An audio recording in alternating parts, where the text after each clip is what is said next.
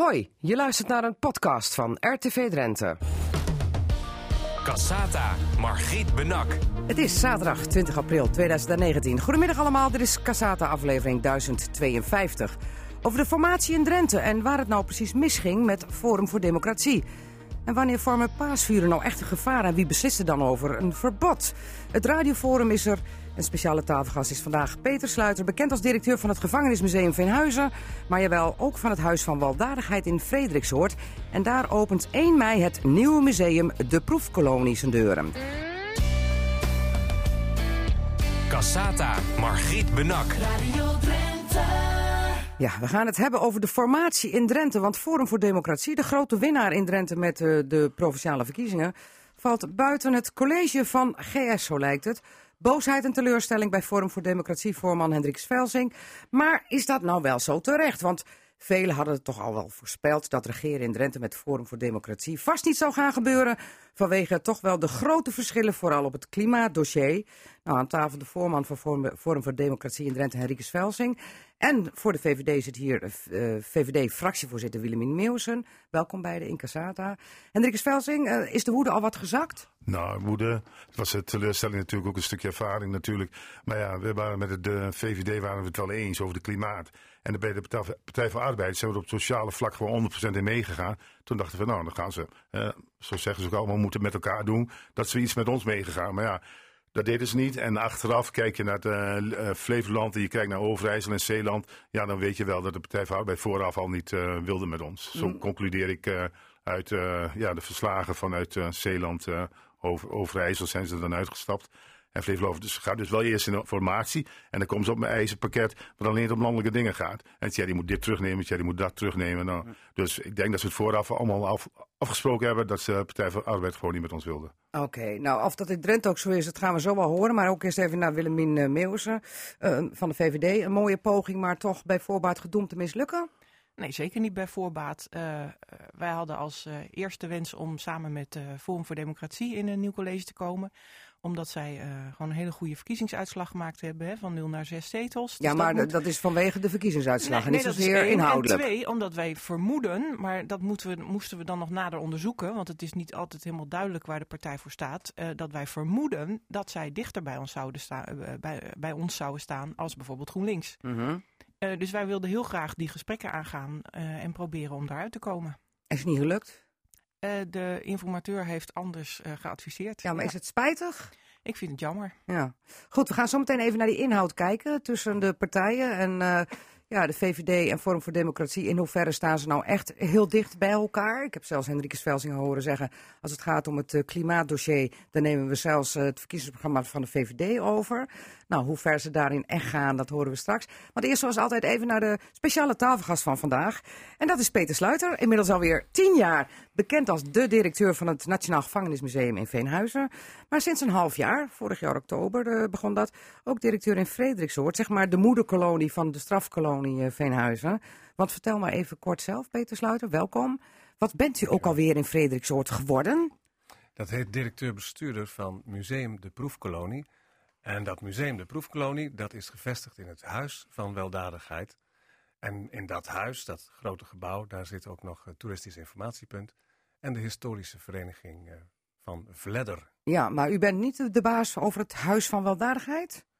Ja, zeker wel, want ik ben de hoofdhuurder en ik verhuur onder aan het toeristisch informatiepunt en de historische vereniging Vledder Kerspel. Vledder Kerspel. Oh, zo, oh, zo heet die historische Ja, vereniging, ingewikkelde naam. Ja. Maar nou bent u eh, al jaren bekend als de directeur van het gevangenismuseum in Veenhuizen. U doet nu een half jaar Frederiksoord erbij. Of Mhm. mag ik dat zo niet zeggen, erbij? Nou, ernaast. Ernaast. Ja. Kijk, ik heb het al eens eerder gezegd, een, een week heeft zeven dagen. Ik ben vijf dagen in de week in het gevangenismuseum. Dan heb ik nog twee dagen over om eh Frederiksoort ook in goede banen te leiden. Maar is dat niet een beetje weinig dan, eh, qua nee, verhouding? dat, dat denk ik niet. Ik denk dat dat te doen is, Want? voorlopig. Want het moet toch helemaal opgebouwd worden? het Nou, gevangenismuseum gaat als een tierenlier, meer dan Gevangenismuseum 100.000 gaat heel eh, bezoekers. Ja. En Frederiksoort gaat eh, open 1 mei. En we hopen dat dan alles klaar is. Dat is nog best een beetje spannend, want er zit heel veel techniek in. En voordat dat allemaal goed is ingeregeld, dat, is, dat is heel spannend. Daar, daar kan veel mee misgaan en daar is ook wel het een en ander misgegaan. Maar we hebben goede hoop dat we komende week de, hebben de oplevering. Dat de boel draait. En dan is het kijken van uh, ja, hoe, hoe gaat het publiek het waarderen. Want wat we daar vertellen is het verhaal van de proefkolonie. Dat wil zeggen, je komt eigenlijk, je gaat aan de hand mee van de eerste vijf gezinnen die ooit in Frederiksoord begonnen zijn. Um, en met die gezinnen maak je kennis en je volgt een beetje van hoe vergaat het hun. En komen de idealen van Johannes van der Bos, de stichter van de Maatschappij van Weldadigheid, komen die nou uit? Of komen die gedeeltelijk uit? Of mislukken er ook dingen? Nou, dat is de ontdekkingstocht die je als bezoeker gaat maken. Oké, ik wou straks uh, inhoudelijk verder praten over wat je dan gaat beleven. Want het werd ook een soort experience center genoemd. Hè, dat museum, uh, de proefkolonie. Maar is de laatste maanden niet vooral uw focus ook op Frederiksoord geweest, omdat het toch nog helemaal opgebouwd moest worden? Ja, dat is wel zo, maar ik had geweldige hulp, want uh, Douwe Huizing, voormalig directeur van Drents Archief, ja? die is daar al anderhalf jaar als kwartiermaker aan de gang. Dus we hebben het een beetje zo afgesproken. Douwe was al volop bezig, die gaat een tandje minder. En wat hij minder gaat doen, dat, dat vlieg ik als het ware in. En zo is er een soort van overdrachtsperiode, geleidelijke overdracht. En wij denken dat we dat goed voor elkaar krijgen. En moet dat uh, Huis van Weldadigheid nou straks uh, met uh, Museum de Proefkolonie het kloppend hart van Frederiksoord worden? Ja, dat lijkt me wel. Ja? Net zoals het gevangenismuseum het kloppend ja, hart van nou ja, het de, gevangenisdorp de, is? De ambitie is om dit jaar nog 40.000 bezoekers binnen te krijgen. En toe te groeien naar over vier jaar 80.000 bezoekers per jaar. Ja, Hoeveel? dan ben je 80.000 bezoekers Dus per niet, niet, niet uh, naar de 100.000 zoals nee, bij Museum ja, uh, in, in Venhuizen. Ik heb er geen bezwaar tegen als het er een paar nee, meer worden. Maar dat is de niet. ambitie. En ik denk dat als je een museum hebt in het dorp Frederiksoort met 80.000 bezoekers per jaar, dan ben je wel het kloppend hart. Oké. Okay. Um, 1 mei gaat het open. gaat dat nog met het nodige spektakel gepaard? Nee, we hebben een zogeheten silent opening. Ik weet niet of dat goed Drents is. Ja, hartstikke goed. Silent. We, we, we gewoon lus in stilte precies. Zoiets. Oh, dat is ook wel mooi. Nee, de bedoeling is om uh, eerst uh, zeg maar aan de gang te gaan en dan in het najaar, dat wordt waarschijnlijk in de loop van september, een grootse opening te doen. En daar ook een wat groter evenement van maken dan alleen die opening, omdat dat ook als een evenement wordt gebruikt om de stakeholders in het proces UNESCO Werelderfgoed weer eens even bij elkaar te hebben. Dus de provincie heeft ons gevraagd om die bescheiden opening die we van plan waren uit te stellen. Ja. En op te schuiven naar het najaar en er dan een beetje een groter feest van te maken. Zodat het ook als contactmoment uh, kan dienen. Oké, okay. en, en als opmaat misschien toch naar die werelderfgoedstatus ja. van UNESCO. Nou ja, dat is wel de waar bedoeling. we nog steeds op zitten te wachten. Hoe ja. ver het daarmee staat, dat hoor ik straks graag okay. ook van u. Want uh, eerst even naar die formatie in Drenthe, want maandag kwam het hoge woord eruit. Informateur Rudy Goeds van de Partij van de Arbeid had haar ronde klaar. En daar kwam dus uit geen Forum voor Democratie in het provinciebestuur. Want vooral op het thema klimaat en energie blijkt er een scherpe tegenstelling tussen Forum en de andere partijen. Maar ook op maatschappelijke vraagstukken zou overeenstemming met Forum voor Democratie lastig zijn, Henrike Velzing. En dan heb ik het over vluchtelingenopvang, integratie.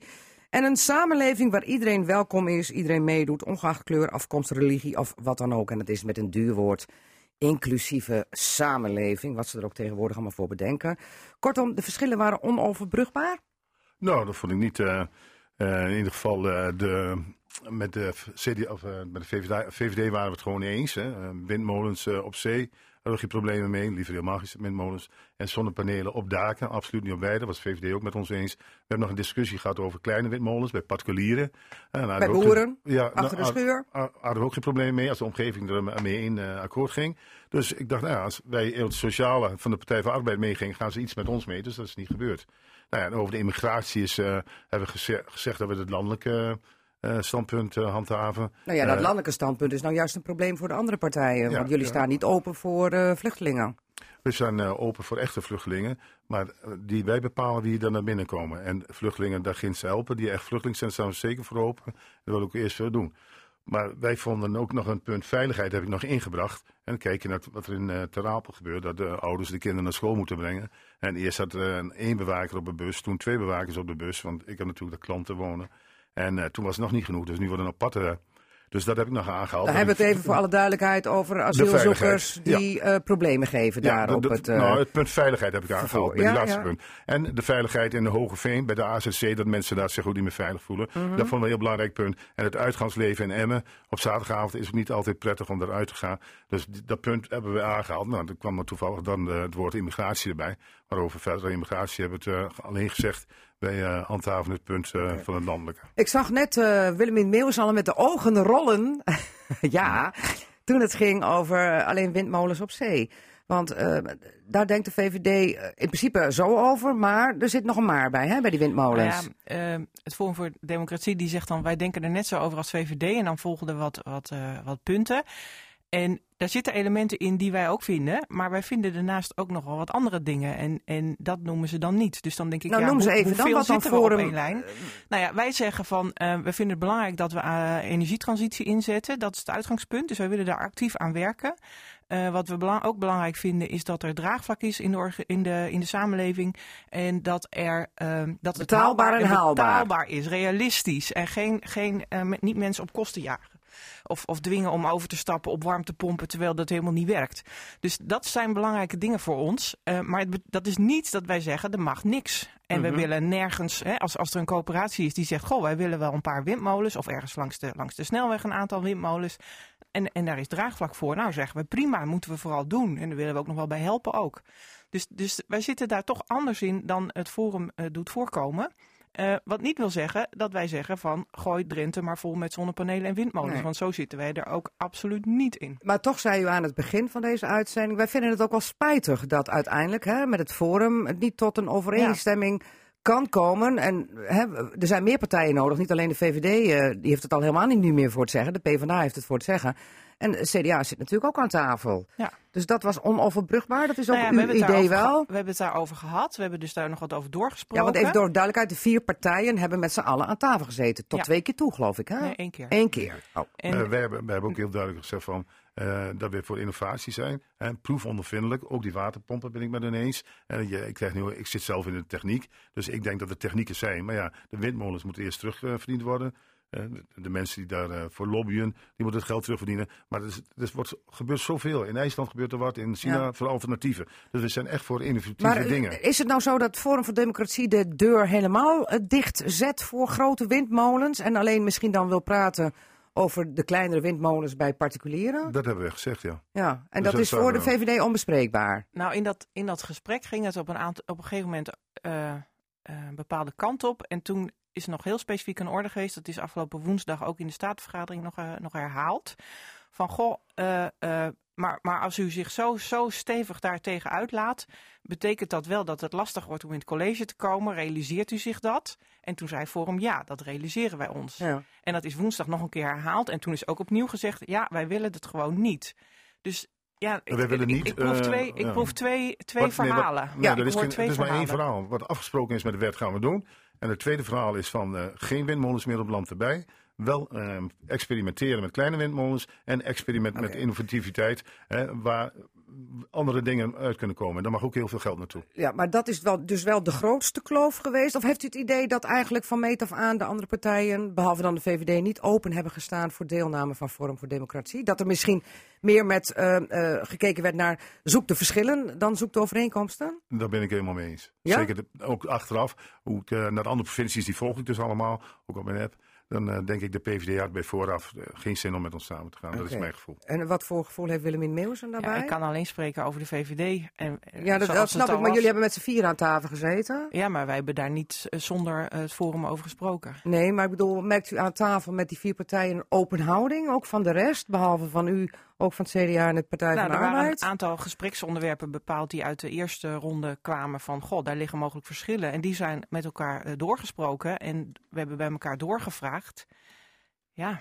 Ja, nou eigenlijk kan het ook niet zo dit advies uit. Dus ik, na het gesprek was voor mij al duidelijk welk advies eruit zou komen. Ja, en dat was het advies wat er nu op tafel ligt. Ja. Met uh, Partij van de Arbeid, VVD, CDA verder en ChristenUnie daarbij en GroenLinks. Ja. ja.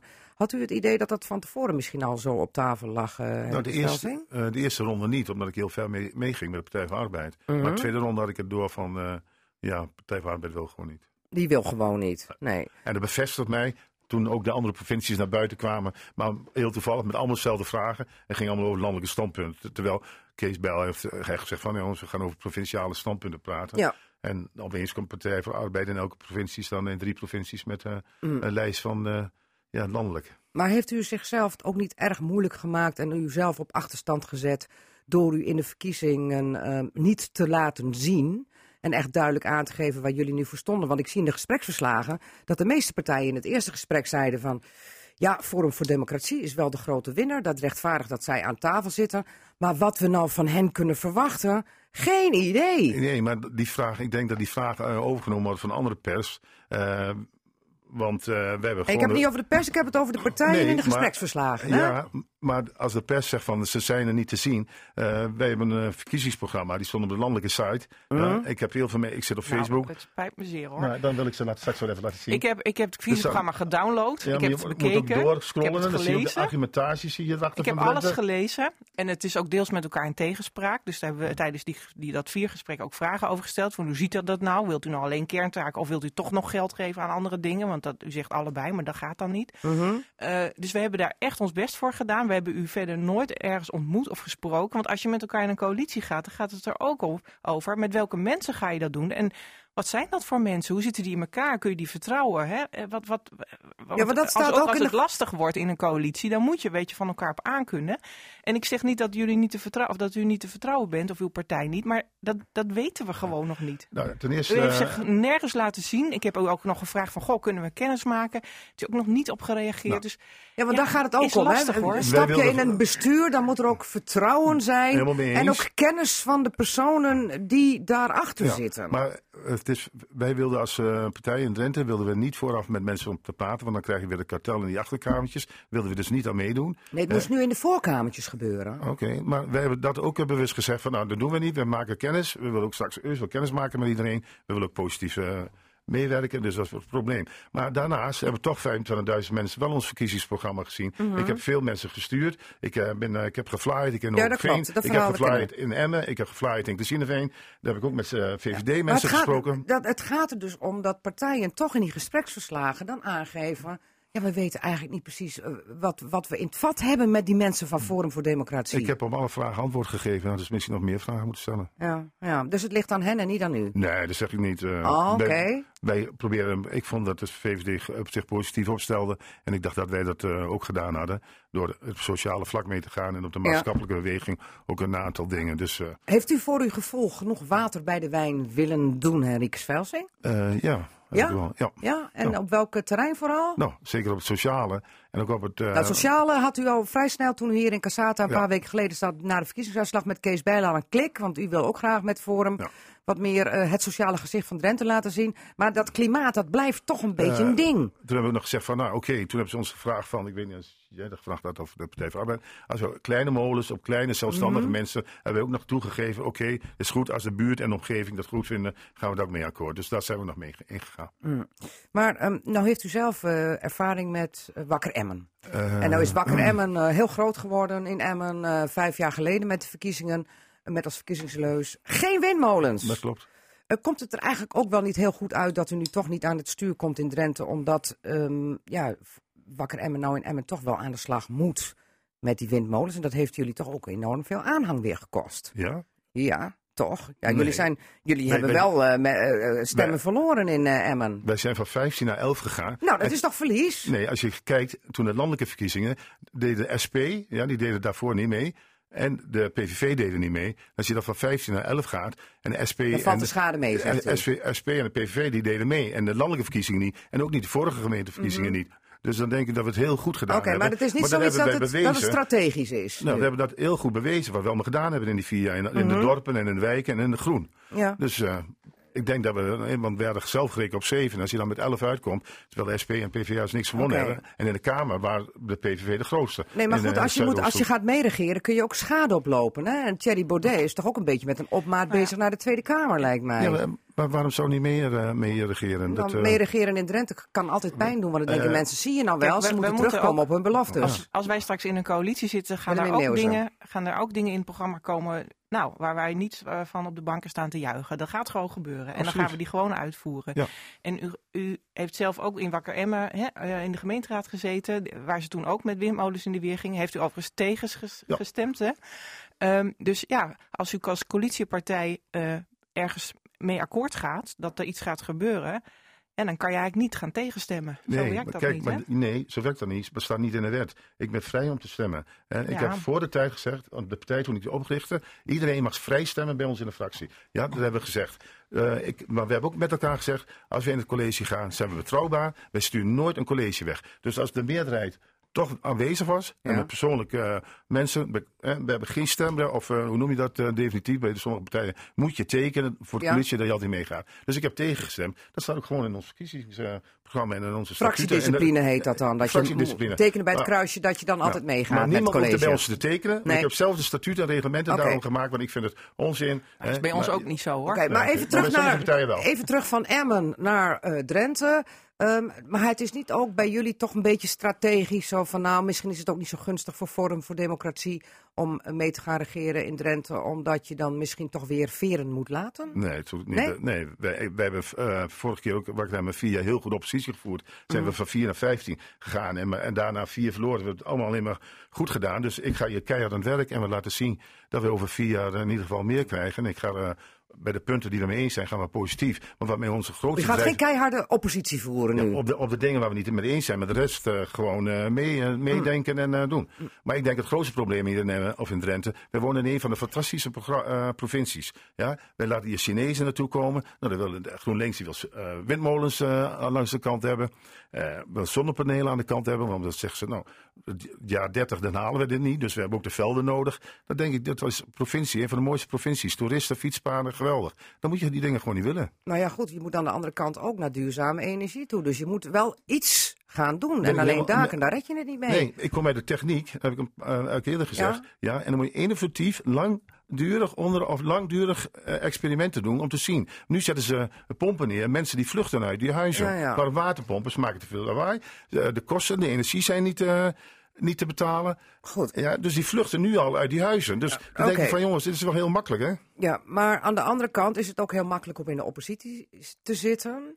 Uh, uh, geen water bij de wijn te doen. Uh, Ja. Maar dat, dat zal Dat toch kan wel... u moet- wel zeggen, maar ik heb, sociaal hebben we er helemaal bij gedaan. Dus Ja, ja, oké. Maar even nu naar eh, hoe we verder gaan dan in Drenthe. Want u gaat er al helemaal vanuit dat u in de oppositie zit, hè? Met de Forum voor Democratie. Nee, als, als Nee? Ik, nee, natuurlijk niet. Als je programma's van de VVD en GroenLinks naar elkaar zitten, nou, hoe die bij elkaar Ja, daar wil, ik, daar wil ik nu even naartoe. Ja, Groen, Ja. GroenLinks die wil eh, geen verdubbeling van NF34. GroenLinks wil geen verbreding of vergroting of weg, maar liefst met eh Eelde. Eh, dus eh, ik denk, en ze willen meer zonnepanelen hebben, dat niet alleen op de daken komen. Ik heb met hem gesproken. Ik zei, hoe wil je dat oplossen om het eh, klimaat te halen in 2030? Ja, hij zegt, dat lukt niet met daken. En op dit moment kunnen de energie, ehm, de in Buinen, kunnen ze de energie helemaal niet kwijt. Hè, er moet een kabel gelegd worden wat vier, vijf jaar duurt. Dus hoe zij dan met elkaar overeenstemmen. Nou, ik wens heel veel succes. Eh, succes, uh, Willemien Meeuwsen, zegt Ja. Henricus Velsen van Forum voor Democratie. Want er zijn natuurlijk ook verschillen tussen GroenLinks en de VVD. Uiteraard. Hemelsbreed. Uiteraard. Ja. Ja. dus we gaan dat gesprek eh, gaan wij eh, eh, opstarten. Ja. Eh, ja, we beginnen binnenkort met de gesprekken. En eh, dan zijn dit soort dingen zeker aan de orde.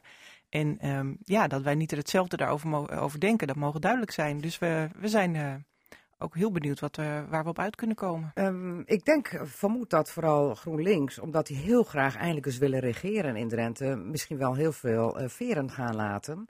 Want u heeft eh, ehm, ja, met de verkiezingen al aangegeven, goh, de huidige coalitie, dat beviel goed. Wij zouden wel verder willen.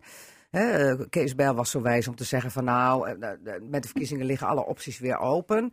Maar ja, GroenLinks heeft natuurlijk de afgelopen vier jaar heel vaak wel aangegeven met constructieve houding eh, naar het huidige college van GS. Zo van nou, wij willen wel graag meedoen. Ja. Die hebben er al op voorgesorteerd, duidelijk. Nou, nou ja, wij vinden ook dat de afgelopen vier jaar heel veel goede dingen in gang gezet zijn. Of heel, heel veel bereikt is, maar ook dingen moeten nog afgemaakt worden. En wij willen dat heel graag voortzetten. Dus dat zal ook onze, onze insteek zijn. En ja, we gaan zien eh, wat eruit komt. Scheelt het dan weer dat je voor Groningen Airport Eelde eigenlijk eh, afgelopen bestuursperiode al een stip op de horizon hebt gezet en al hebt gezegd met z'n allen als aandeelhouders we investeren 46 miljoen, omdat daar binnenkort geen beslissing meer over hoeft eh, geveld te worden, want dat is genomen. Het besluit is al genomen Daarom. en wij willen dat natuurlijk gewoon handhaven. Dus eh, ja, dat, dat, dat het besluit is door alle aandeelhouders genomen. Dus Henrikus Velsing, dat zal niet zozeer de tweespalt zijn, denk ik dan. Nee, maar het staat nog wel in een eh, verkiezingsprogramma. Dus eh, Ja, ja, maar ja, goed, als de beslissing is genomen, dan kun je er natuurlijk komende bestuursperiode niet ineens op terugkomen, lijkt me. nee, dat lijkt me ook niet. Dus eh, Ja, maar, maar Peter Sluiter die is ook door de wol geverfd, mag ik wel zeggen. Want die was jarenlang voorzitter van D66 Drenthe. Als u nou eens kijkt naar de formatie van Drenthe. Ehm, eh, is het dan toch geen verrassing wat er nu uitkomt? Of wel? Nou, ik moet eerlijk zeggen dat ik eh, eh, het nogal druk heb met twee musea en dat ik de politiek niet erg meer volg. Nee, helemaal niet. Maar als u nou hoort wat er dan gezegd wordt, dat er nu toch op vijf partijen aangekoerst wordt met nou, de oude coalitie, zeg ik dan maar even, met uw Als welnemen. dat zou met betekenen GroenLinks dat we, erbij. Als we, dat zou betekenen dat we vijf fulltime gedeputeerden krijgen, dan denk ik als belastingbetaler, Ja, dat is wel een beetje veel. ja. Hoe zou je dat anders moeten doen dan? Ik, ik weet het niet. Ik, Ja. ik, ik, ik heb enige afstand van de politiek. maar ik, ik zie het aankomen op vijf gedeputeerden. Nou, ik heb mij van de week nog even laten informeren door een ambtenaar uit het provinciehuis die het echt weten kan. Zie je wel, en die zei, het wel. een gedeputeerde kost al met al ongeveer met kosten erbij 2,5 ton. Ja. Dan vind ik eentje extra elk jaar 2,5 ton. Ik vind dat als belastingbetaler... Nou, dat, vind ik ook schandalig. Nou, ik, Ja, ik zeg niet dat ik het schandalig Ja, vind. Ik vind- vind dat je heel veel leuke daar iets van mag vinden. Ja, maar eh, eh, Peter Sluiter zegt van nou, ik, een beetje te veel gevraagd. En Rieks Velsen vindt het schandalig. Ja, Ja? omdat dat- wij in Drenthe lopen we heel voorop met de innovat- innovativiteit van de veeteelt hè, hier in Nederland. Eh, eh, Ja. Nou, ga dat geld daarin stelen. En dat- dan ben je uniek in Nederland. En dat is veel belangrijk, ook voor de toekomst. Ja, Willem Meeuwse tot slot, een vijfde gedeputeerde. Ik zag op social media ook al allemaal kritiek. Zo van, nou, dat gaat ons centen kosten. Er is wel zoveel te doen voor vijf gedeputeerden. Wat zegt u dan? Ehm, nou ja, wij, toen we in de tijd van zes naar vier gedeputeerden eh, gingen, was dat ook onze vurige wens. Hè? Ja. Dus, dus wij vonden vier prima.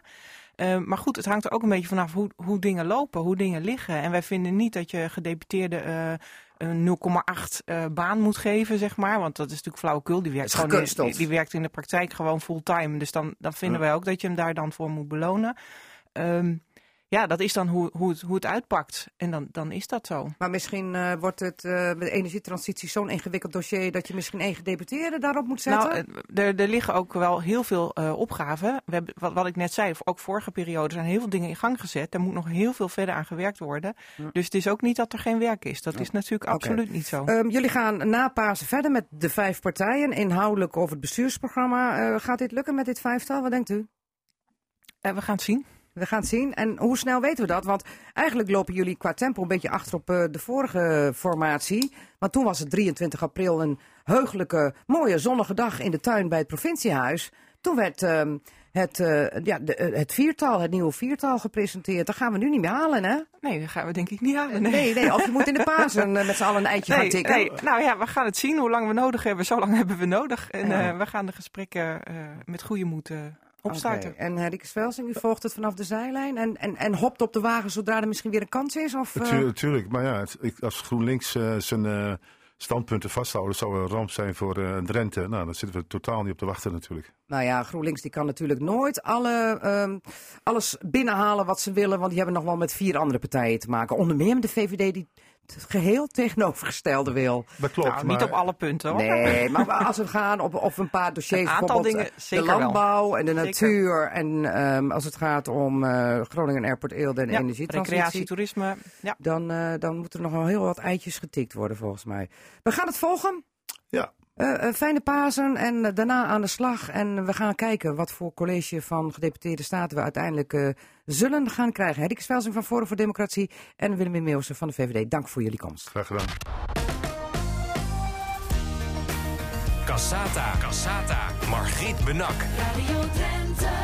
Wanneer vormen paasvieren nou echt een gevaar? En wie beslist er dan tot een verbod? Nou, ik praat dus over met adviseur Esther Klap van de Veiligheidsregio Drenthe. Want in zeven Drentse gemeenten is de paasvuurvreugde al vroegtijdig in rook opgegaan. Daar zijn ze allemaal verboden. En in vier andere gemeenten brandt de ene bult wel, maar de andere niet. En ik heb begrepen net uit contact met Erik van Oosterhout... dat de gemeente Emmen vandaag nog gaat beslissen... welke nou definitief wel ehm, eh, aangestoken mogen worden... Nou, Esther Klap eh, van eh, de Veiligheidsregio Drenthe. Naar welke paasbeeld zou, zou jij gaan kijken? Naar het vreugdevuur? Nou, ik, ik ga meestal zelf niet naar eh paasvuren, maar bij mij eh, in de buurt is, eh, ik denk die van Deurzen, het dichtstbij. Maar Ja. die is van de week voortijdig al. eh, Ja, daar heeft een, on- een onverlaat alvast een fikkie onder gehouden. Zo van, nou, als hij er dan toch ligt, dan moet hij ook maar eh, in de brand. Maar goed, dat is zonder gevolgen verder afgelopen, hè? Dat is volgens mij weer allemaal goed afgelopen. Dat heeft de brandweer geblust. Ja, Eh, we praten zo verder over het verboden paasvuur en hoe dat dan exact gaat. Eh, eh, over het advies en wie beslist er dan. Want eerst even naar Peter Sluiter, onze speciale tafelgast. Bekend als directeur van het Gevangenismuseum in Veenhuizen, maar tegenwoordig ook een half jaar al directeur-bestuurder van het Huis van Weldadigheid. Met daarin het nieuwe museum, Museum De Proefkolonie. En dat gaat 1 mei open, silent, silently, Ja. in, in doodse stilte zeg ik dan maar. Zonde eigenlijk, om eh, te wachten op een grootste opening in september. Maar Peter Sluiter, ik kom binnen. Wat ga ik beleven? Ehm, je gaat eigenlijk eh, terug naar eh, 1818. En in 1818 was Napoleon eh, uit Nederland vertrokken, maar hij liet Nederland eh, achter in armoede. Eh, zoals een land altijd na een oorlog een beetje berooid en uitgewoond achterblijft. Toen mislukte er ook nog twee oogsten. Dus dat betekende dat in zeg maar 1817 er gewoon honger was in grote delen van Nederland, met name in de steden. Altijd natuurlijk in de steden. Ehm, en er was eh, heel veel armoede, dat gaat hand in hand. Eh, Johannes van der Bos, een, eh, een, een visionair die toen leefde, die zei: daar moeten we eigenlijk wat aan gaan doen. En om twee redenen. We moeten die ellende, eh, die openbare ordeproblemen, zou je tegenwoordig zeggen, moeten we uit de steden halen. Dus de armoede moet uit de steden, want dat is ook een bedreiging voor die steden. En we moeten proberen het voedselareaal, het landbouwareaal in Nederland te vergroten, zodat de voedselproductiecapaciteit voor ons land omhoog gaat, waardoor we eigenlijk twee vliegen in één klap slaan. Minder armoede, meer voedselproductie. En eigen voedselvoorziening En ook. eigen voedselvoorziening. En wat hij toen gedaan heeft, is eh, geld bij elkaar gebracht. Een soort crowdfunding, dat heette toen niet zo, maar dat zouden wij nu zo noemen. Crowdfunding. Daar kon hij in Drenthe voordelig grond kopen, in de buurt van Steenwijk. eh, wat we nu Frederiksoord noemen. Daar heeft hij grond gekocht, daar heeft hij kleine boerderijtjes laten bouwen. En hij heeft die arme mensen uit de stedelijke omgeving gehaald, uit de armoede gehaald. En gezegd van hier hebben jullie grond, huisvesting, kleding. Je krijgt ook nog eens landbouwgereedschap, dus scheppen en rieken en, en een ploeg. Ga aan de gang en ga je eigen leven hier opbouwen. Ja. En op die manier heeft hij dus die, die, Ja. die armoede willen bestrijden. Maar Nou, dit is dus de historie, ja? Dat verhaal, dat, en wat daarvan terechtgekomen is, van dat nobele initiatief, dat ga je meemaken in Museum de Proefkolonie. Dus stap je dan eigenlijk zelf die proefkolonie ja, eh, zeker. Je binnen? stapt, je stapt echt de armoede in. Ja. En hoe merk ik dan? Ik- Ruik ik de Ja, armoede? absoluut. Ja, Absoluut, Het ja. stinkt dus. Ja, het- ja dat, is, dat is wel even. We hebben gezegd, je moet niet alleen dingen laten zien. Ja. Je moet ook dingen laten horen. En Ja. wat hebben we nog meer voor zintuigen? Nou, een neus. Ruiken. En laat het maar eens ruiken. Hoe heeft het twee eeuwen geleden in die steden, in die afschuwelijk vieze Putlucht steden... gaan we ruiken? Ja, absoluut putlucht. Ja. Echt waar? Ja, En, en daarmee wilt u 40.000 bezoekers trekken? zeker. zeker. Ja. Eh, Staan er ook was, wa- mandjes met wasknijpers Er bij de staan deur? geen mandjes met wasknijpers, maar het is niet zo dat als je binnenkomt dat je vergaat van de stank. Nee. Maar we hebben daar wel wat op gevonden, dus dat je eens even kan ruiken. Ja, hoe was dat nou? Eh, Dus zoveel mogelijk, zeg maar, eh, beleven. Even je neus in een, in een slang steken of zo, weet ik veel. zoiets, ja. Maar goed, je, onder, je wordt dan ondergedompeld in de, Ja. zeg maar, de armoe en de ellende van toen. Ja, Maar eh, eh, moet ik ook aan de slag met een riek? Of moet ik ook eh, land gaan bewerken? Word ik ook aan de slag Nou, gezet van zo denk- deden we dat toen, 200 jaar geleden? de, de- het museum is eigenlijk in drie onderdelen verdeeld. Dus je krijgt eerst van wat was nou het probleem? Daar ga je kennis mee maken. Ja. Dan krijg je het verhaal van Van der Bos. Wat was nou zijn visie en hoe ging dat met die eerste vijf gezinnen die onder andere uit Amersfoort en Leiden naar Frederiksoord eh, op transport werden gesteld. En daarna krijg je het verhaal, wat is er nou van terechtgekomen? Hoe was het om daar te leven voor die mensen? Zij moesten bijvoorbeeld eh, boterkarnen. Is dat nou zwaar werk? ja. Nou, dat kun je in dat museum gewoon proberen. Ervaren. Je kunt Oké. aan de slag.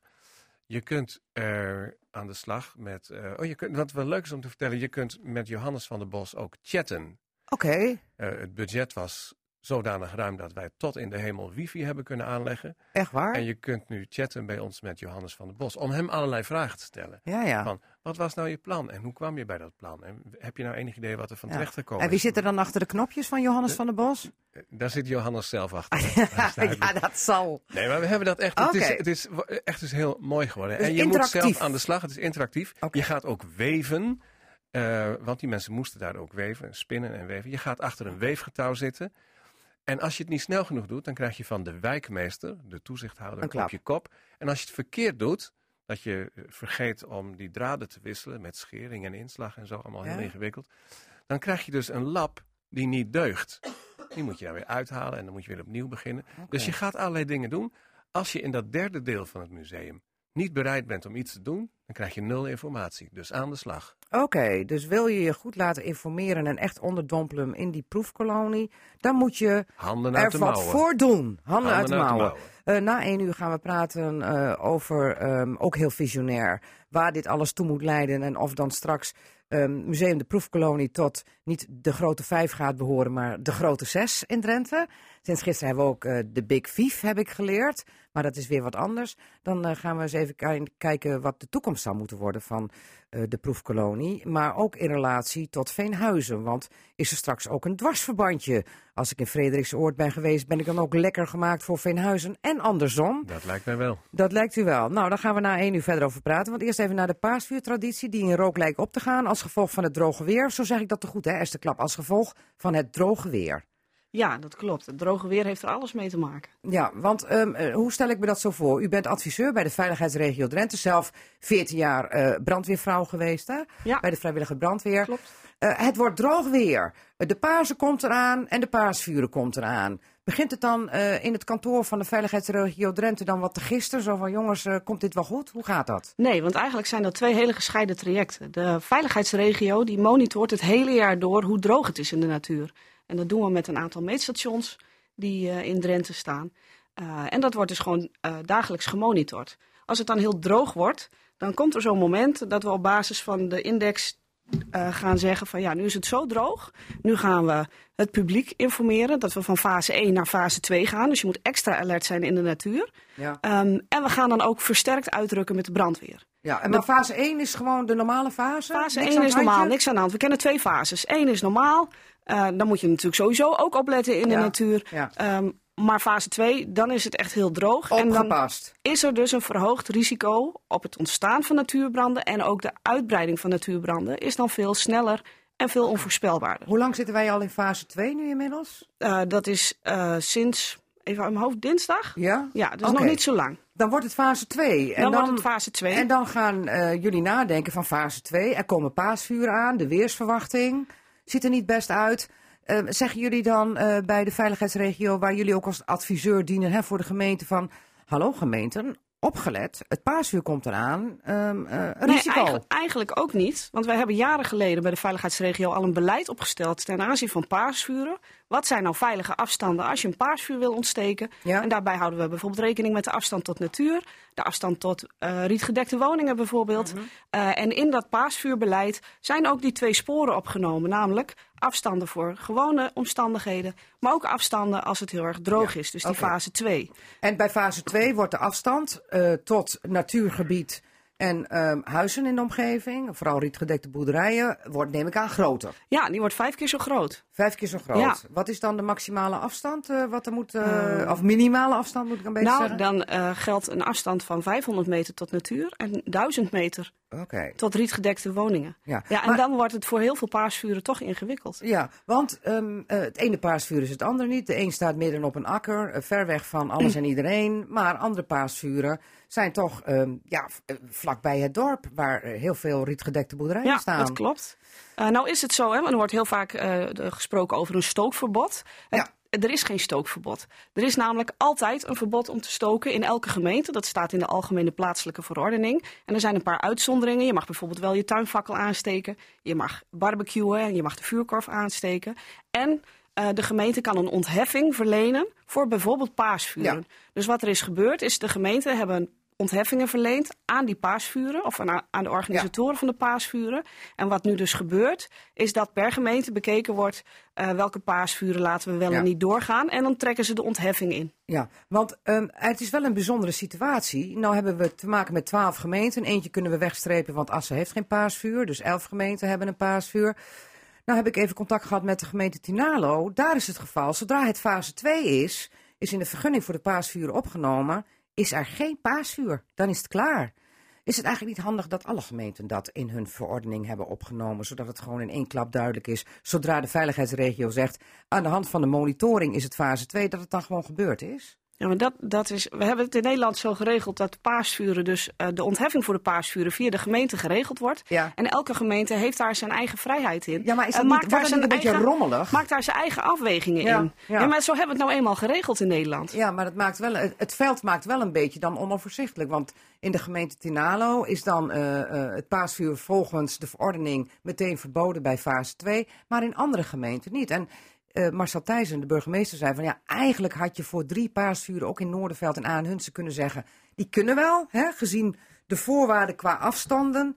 Maar dan krijg je scheve ogen. Want dan zegt eh zij je van het mag hier niet. En dan mag het een eind verderop in Rolde mag het wel. Ja, nou, ik kan me voorstellen, als veiligheidsregio vinden wij daar niks van. Wij hebben eh, op basis van ons beleid geadviseerd. Ik zie Peter Sluiter Ehm, grinniken. Als eh, veiligheidsregio vinden wij daar niks van. Nee, wij adviseren aan de gemeente. Wij Ja. zijn er van en voor de gemeente. En Ja. wij adviseren heel specifiek op fysieke veiligheid en monitoren droogte. En hebben een advies over paasvuren gegeven. Ja, Eh, en het is, aan de, het is de afwegingsruimte die elke gemeente voor zichzelf heeft. Ja. Om daar de afweging in te maken. En ja maar wij- het is, het is toch heel onoverzichtelijk als de ene gemeente ehm, zegt bij fase 2 is het gelijk gebeurd met de paasvuur. En de andere gemeente die zegt van nou, het moet wel heel erg zijn, eh, willen wij een verbod gaan uitvaardigen. Dat zegt Erik van Oosterhout. Die vindt, die vindt paasvuren zo fantastisch. Die zegt van ja, we kunnen, er zijn wel een paar verboden in de gemeente. Maar die gaan vandaag nog weer eens kijken of ze toch nog paasvuren, meer paasvuren gaan verbieden. Dan wordt het toch voor iedereen in Drenthe een beetje ja, onoverzichtelijk. Ja, ja, dat is nou eenmaal de afwegingsruimte die elke gemeente eh, zelf heeft en ook zelf maakt. Ja.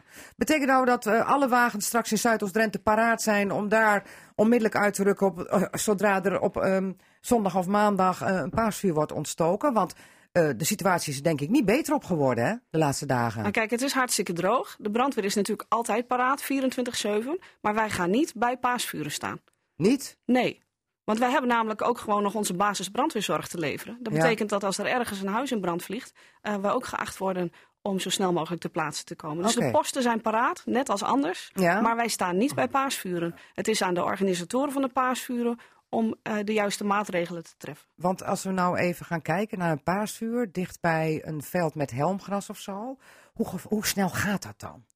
Want we, ik, ik heb water nog even op het netvlies hè, van vorig Ja, jaar. dat is best een ingewikkelde vraag, Margriet. Eh, hoe snel gaat dat dan? Dat is van zoveel factoren afhankelijk. Kijk, vorig jaar in Wateren hebben we gezien hoe snel en onvoorspelbaar een natuurbrand is. En Ja. wat de gevolgen daarvan kunnen zijn. En ook hoeveel inzet het van de brandweer vraagt. Ja, ja. Ehm, dus in die zin is het heel fijn dat, eh, dat er een groot aantal paasvuren niet doorgaat. Want stel je voor dat meer dan 100 paasvuren zou ontstoken zouden worden... en Ja. zouden er vier uit de hand lopen ja. eh, en een natuurbrand veroorzaken... Ja, dan eh, hebben we het als de brandweer in Drenthe wel heel erg druk. En dan komt ook onze basisbrandweerzorg... Ja. voor alle andere burgers in Drenthe komt in het geding. Ja, want je kunt denk ik ook niet een beroep doen op de, op de buren. Want daar zijn ook paasvuren, eh, neem ik aan, toch? Of niet? Ehm, want hebben jullie daar onderling in de noordelijke regio ook contact over met de collega's van Groningen en Friesland? Nou, elke gemeente maakt zijn eigen afweging en ook elke Ja. veiligheidsregio adviseert zoals die dat gewend is te doen op basis van het beleid. Ja. Uh, maar je zit natuurlijk ook met aanrijdtijden. Ja. Dus we kunnen wel een beroep doen op de buren, uh, m- maar die hebben zelf hun basis brandweerzorg te leveren en uh, aanrijdtijden zijn gewoon best lang. Ja. Eh, eh, hoopt u stiekem een beetje dat misschien in Zuidoost-Drenthe er vandaag nog een wijze besluit wordt genomen dat er nog meer paasvuren worden verboden? Ah, dat is een flauwe vraag, Margriet. Nee, ik vind daar werkelijk waar helemaal niks van. Want Nee? is, dat is de vrijheid die de gemeente heeft. De, de gemeente maakt een afweging. Wij Ja. kijken altijd vanuit heel Het gezond verstand van Erik van Oosterhout moet dan maar zegevieren, zeggen we dan. Wij kijken alleen zeggen? maar vanuit fysieke veiligheid. En een gemeente heeft zoveel meer factoren die zij meewegen in hun Ja. besluit. Eh, ik ben blij dat, dat ik niet al die factoren hoef te kennen. Nee, goed. Beetje kale Pasen zo, hè, zonder paasvuur. Vind je ook niet? Nou, dan maar een extra paaseitje zou ik zeggen. Nou ja, of, of we zeggen beter safe than sorry. Zullen we het zo zeggen? Absoluut. Oké. Cassata, Margriet Benak. Peter Sluiter is vandaag speciale tafelgast. Ja, Peter, aan de slag weer. Je bent niet voor niks speciale tafelgast. Want ehm, het gevangenismuseum behoort tot de Big Five. Hè, de grote vijf eh, musea in Ja. Drenthe.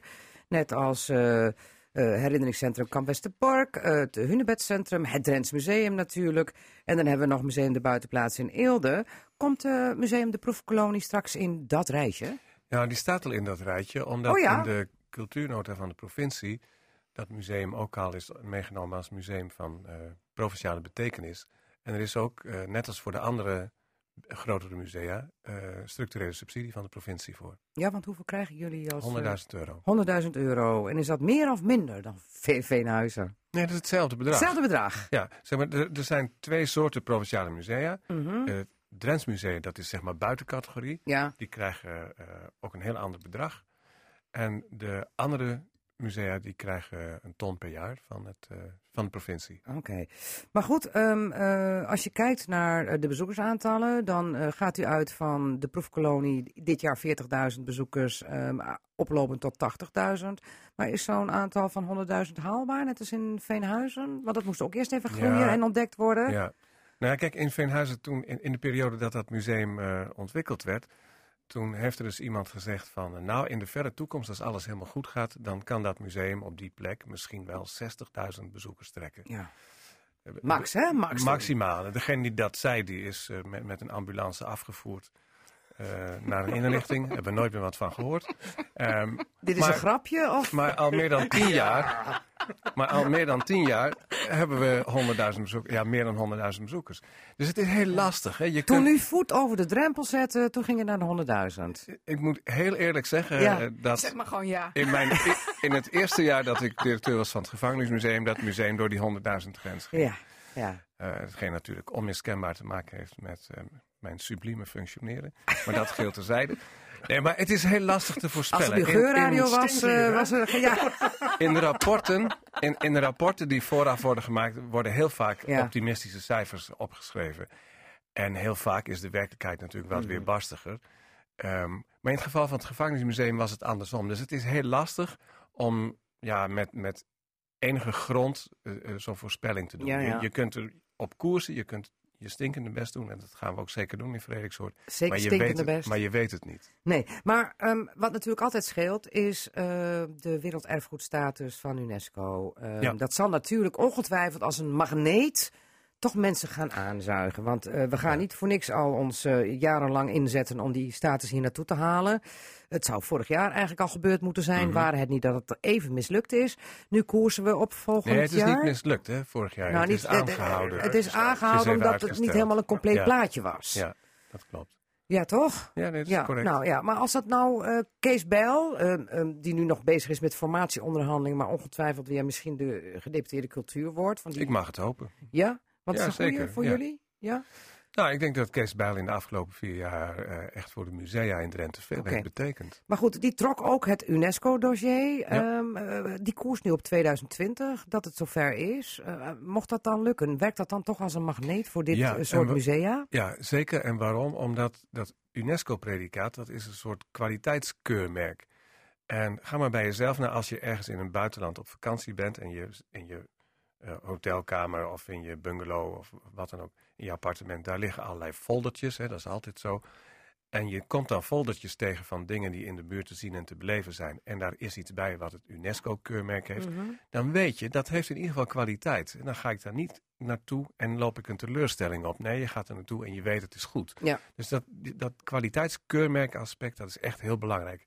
En dat gaat helpen. Ja, ja, dat wordt zeker gezien als een magneet die mensen daar naartoe trekt. En eh, daar zullen misschien mensen zelfs voor naar Drenthe gaan, omdat je dan eh, twee koloniën hebt Ja, hier. er zijn Oh, nou ja, dat mag ik niet helemaal zeggen, hè? meer hè, want we hebben dan Veenhuizen, we hebben eh Frederiksoord, we hebben Willemsoord, Wi- Wilhelminaoord. Wilhelminaoord, Ja, en dan net over de grens eh, Overijssel zit Ommerschans. Ommerschans. Ja, en dan nog andere in kant. België Wortel en Merksplas. Ja, ja, ja, dan hebben we alle koloniën genoemd, Ja, dan ja. zijn het er zeven. Ja, maar goed, dat, dat zal dan toch extra publiek gaan trekken. Maar dan hebben jullie dus, eh, hebben we in Drenthe dus Frederiksoord als bakermat, de moederkolonie, strafkolonie Veenhuizen. Eh, wordt, wordt het lijntje tussen beiden? Want u bent van beide directeur. Dan lijkt me Ja, nou, lijntje da- logisch. daarmee, is dat, daarmee is dat lijntje er natuurlijk al. En het is ook zo dat de museale staf van het gevangenismuseum ook echt zich heeft ingezet om in Frederiksoord een, een mooie expositie neer te zetten. Dus die verbindingen zijn er over en weer al. En het is alleen maar goed dat die verbindingen intensiveren, zodat je van elkaars kracht eh, gebruik kunt maken.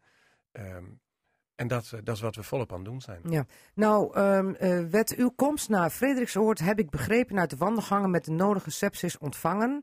Omdat men in Frederiksoord altijd het gevoel heeft gehad van alles is gefocust op het gevangenismuseum en op Veenhuizen als eh, de plek voor de UNESCO-status. Daar werd Frederiksoord toch later bijgefietst, om het even plat te zeggen.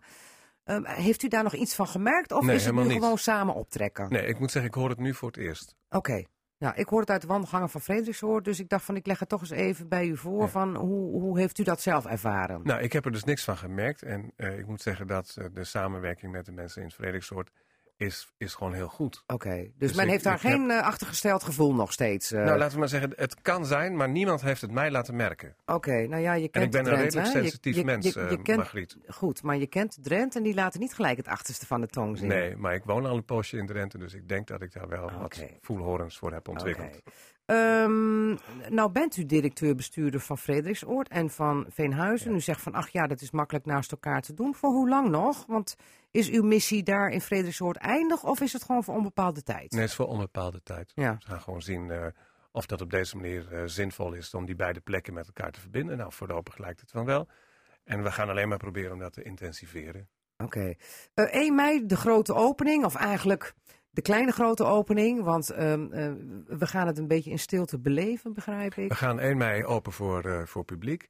En het grote openingsfeest, dat schuiven we naar eh, september. ja. En ik vind dat eerlijk gezegd ook wel fijn, want dan hebben we ook eh, het zomerseizoen achter de rug. Ja, En even testen en zo even van kijken dingen. Hoe, dat, voelt het? Ja, want je, je zet iets neer hè, vanuit zeg maar, de tekentafel. Ja. En het is net als met het plan van Johannes van der Bos. Je, je bedenkt een plan en je moet maar zien wat er wel en niet van terecht komt. En na de zomer hebben we een beetje het gevoel van, nou, wat is goed, wat moet nog Mhm. bijgesteld worden. Stinkt het genoeg, En stinkt het dan, niet genoeg? en dan is een opening eh, op, op dat moment gewoon goed op zijn plek. Oké.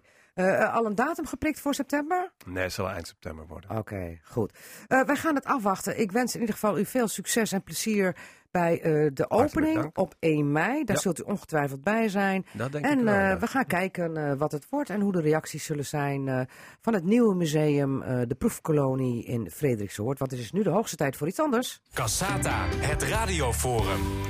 Ja, het radioforum met drie gasten en drie forumleden. Want Peter Sluiter is bij deze ook gelijk gebombardeerd tot forumlid. en En overal daarnaast voor inzetbaar. overal, ja, multifunctioneel. Hè? Frederiksoord, Veenhuizen, Cassata, Radioforum. En daarnaast zit, Agnes Mulder en ik ben Tweede Kamerlid voor het CDA. Ik woon in Assen.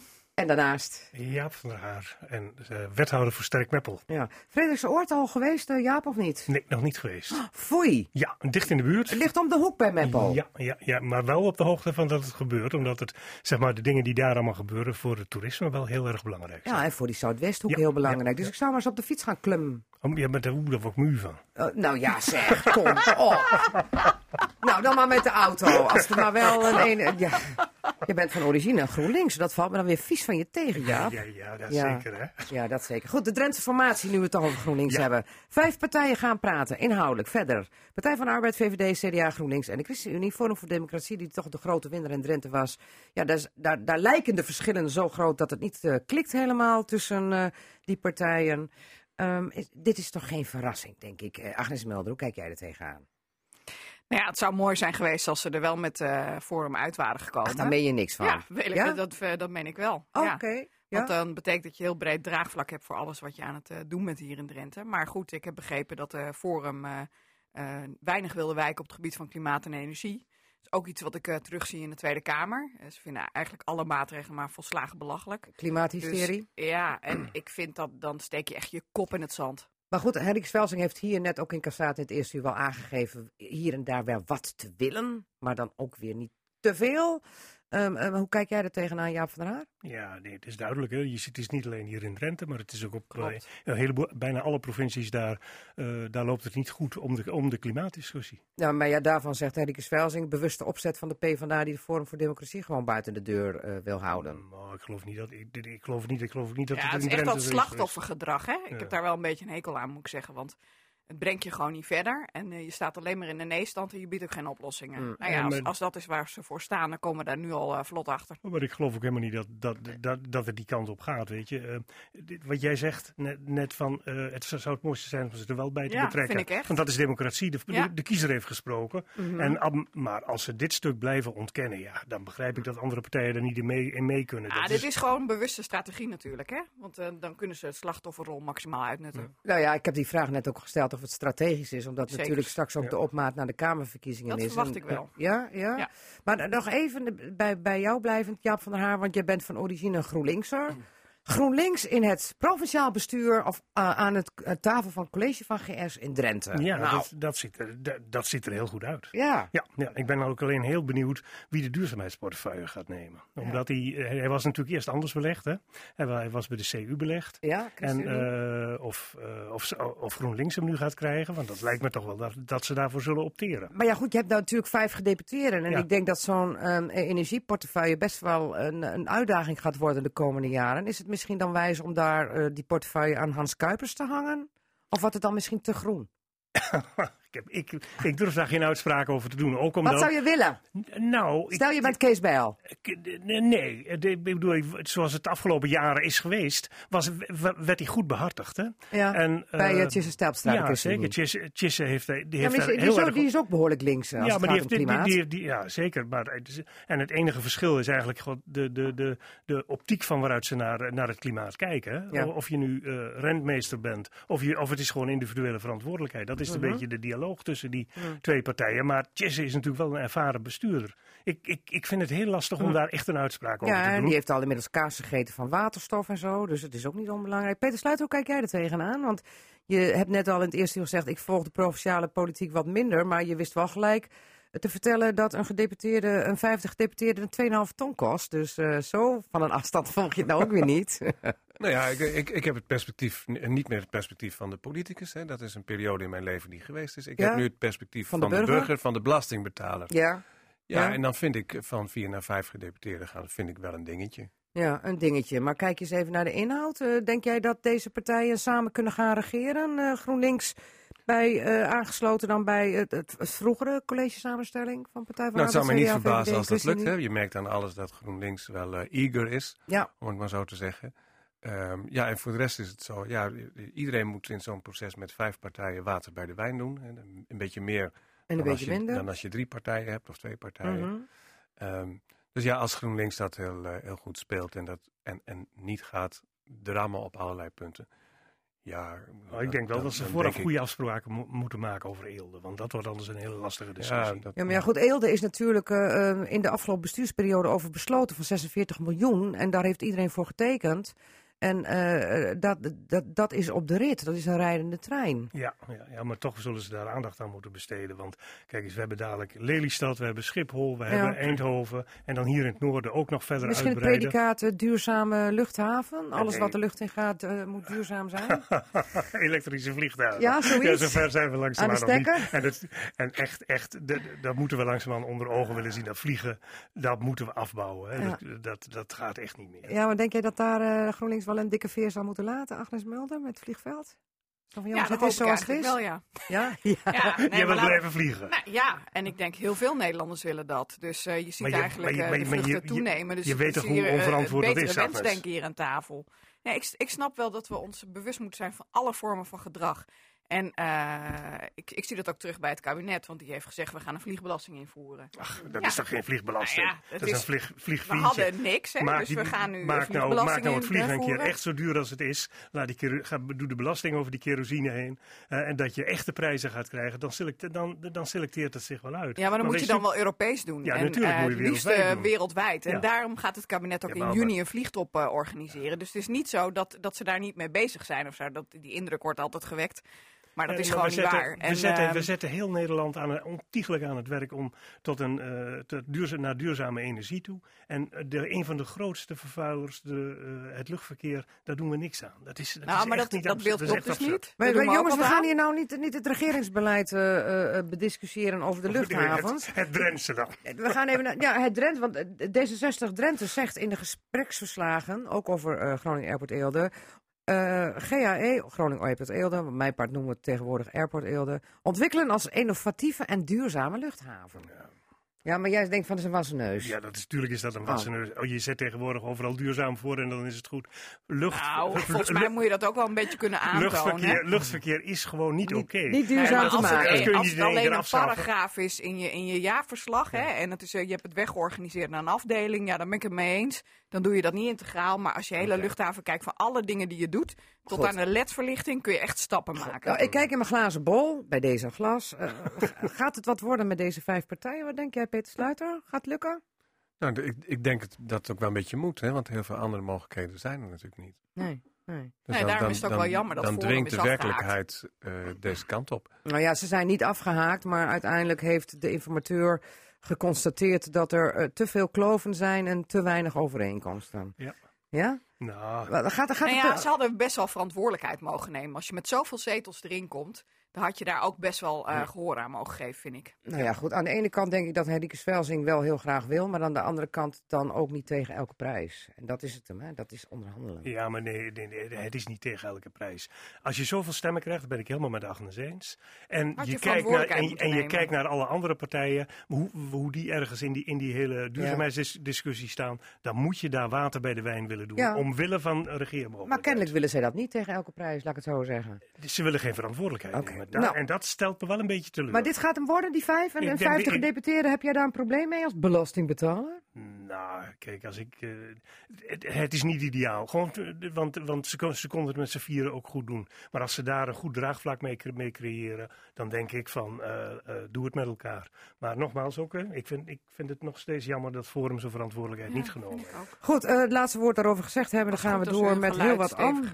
Wat zei je, Agnes? Ik vind dat het goed was geweest voor Hmm. Drenthe.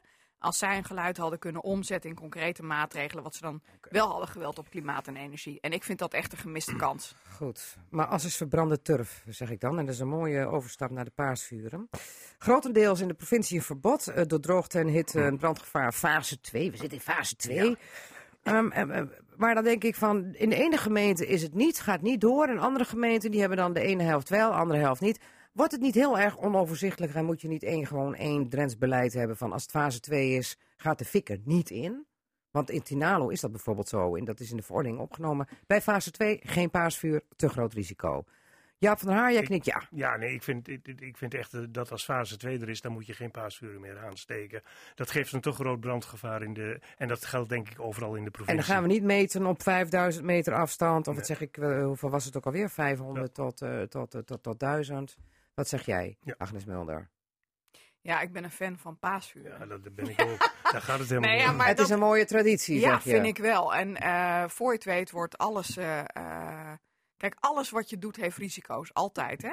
Mm. En voor je het weet wordt alles gewoon helemaal weggeorganiseerd. Omdat we 100% garanties en veiligheid willen. 100% bestaat niet. Maar je moet wel een beetje je gezond boerenverstand aanzetten. En op de ene plek kan het daarom wel. En op de andere plek kan het daarom niet. Ja, en dat is eh, met heel veel factoren die ik ook net al in de uitzending heb gehoord. Hè? Want eh, eh, je had hier ook in het eerste uur Ja. uitgebreid gesprek over. Met de veiligheidsregio Ja, en dan moet je gewoon al die elementen meenemen. Nou, dat ligt op het bordje van de gemeente. En die beslist dat. Ja, maar de ene beslist dit en de ander beslist dat. En Ja, dan- maar we hebben de risico's gezien, zeg maar, eerder dit jaar in, in Scheveningen. Iedereen is, zich- is zich kapot geschrokken waar het Ja. allemaal misgaat. Dus iedereen denkt wel drie keer na voor, voor, voor je wat doet, lijkt mij. En laat dat gezond boerenverstand hier ook in Drenthe zijn werk doen. Peter Sluiter, hoe kijk jij er tegenaan, tegen het paasvuur? Nou, ik, ik kijk er een beetje op een andere manier eh, naar. Ik heb eh, eh, wat last van mijn longen. En eh, ik verheug mij niet op eh, een, een, een lucht die, eh, die helemaal ja, zeg maar, bezwangerd is van, de- van, de, van de Ja, van want die dat staat er ook aan te komen, hè? Want we Ja, zijn alweer gewaarschuwd met de eh, oostenwind, uit Duitsland. en zo. Dus, dus- maar dat is een beetje een ander perspectief, hè, Ja. zeg ik eerlijk. Dat Ja, ik maar die mensen van- zijn er meer, Ja. eh, zoals jou, die ook Ja. last hebben van hun longen en Ja. eh, lucht, Maar- eh, maar- weg. maar eh, daar, daar mag je wel wat genuanceerder naar kijken. Ja, het is Kijk, gelukkig maar één dag in het jaar, hè? Ja, en we, Nou, we, het hele branden, weekend we, kan we het branden zijn, hè? deze vuren al 25, 2500 jaar. Ik vind Ja. dat is een enorme, enorme lange ik heb ook last traditie. van mijn longen, Alleen, maar- wat, doe je, wat, wat doen we de laatste tijd? We gaan wedstrijdjes maken. We maken die dingen zo verschrikkelijk groot. Ik bedoel, ik, ik weet Nou nee, in, in, in Zuidoost-Drenthe is wel een, een wedstrijd, maar het is hoe mooi die is, niet hoe hoog. Jawel, maar je ziet toch soms, De mooiste, de je beste. ziet soms pa, pa- paasvuren die zijn zo verschrikkelijk Ja. groot gemaakt. Dat ik denk van ja, nou ja, dan geeft het ook enorm overlast. Maar eh, waarom moet dat nou? En, want het paasvuur als traditie, die wil je toch graag Ja. behouden? Ja, vind ik super mooi. Gewoon een mooi. klein bultje fik erin na een uur allemaal weer weg. Zoiets. ja, nou ja. eh, de- de- de- hoe, la- hoe lang brand, brandden ze vroeger? Eh, een Nou, heel lang, want vroeger mochten we er gewoon nog autobanden op gooien. Dat knapt lekker. Ja, Ja, ik ben toch dat wel blij we- dat dat wel weg is. Dat was in mijn, in, in mijn jeugd was dat allemaal hartstikke tof. echt last van. Ontzettend zwarte gezichten liepen we rond. Nou goed, maar dat is ook een traditie die eindig is. Want tegenwoordig moet er eh, van alles niet op, die bult. Het is allemaal alleen maar hout.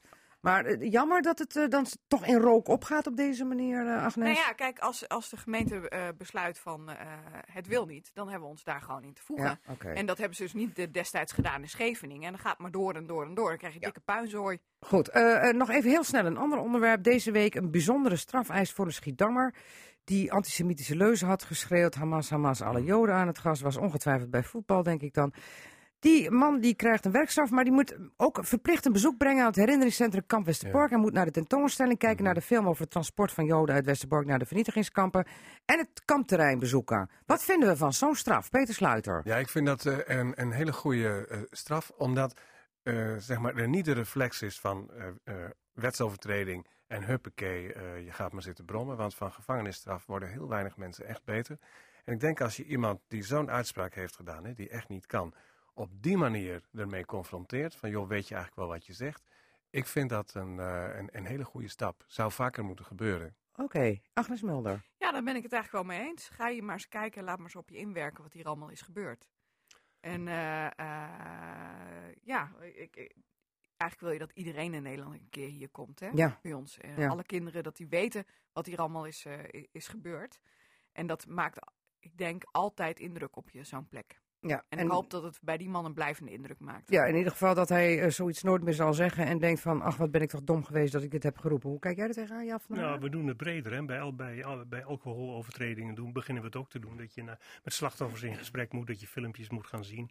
En we, we stappen af van het, zeg maar, de traditionele wraking.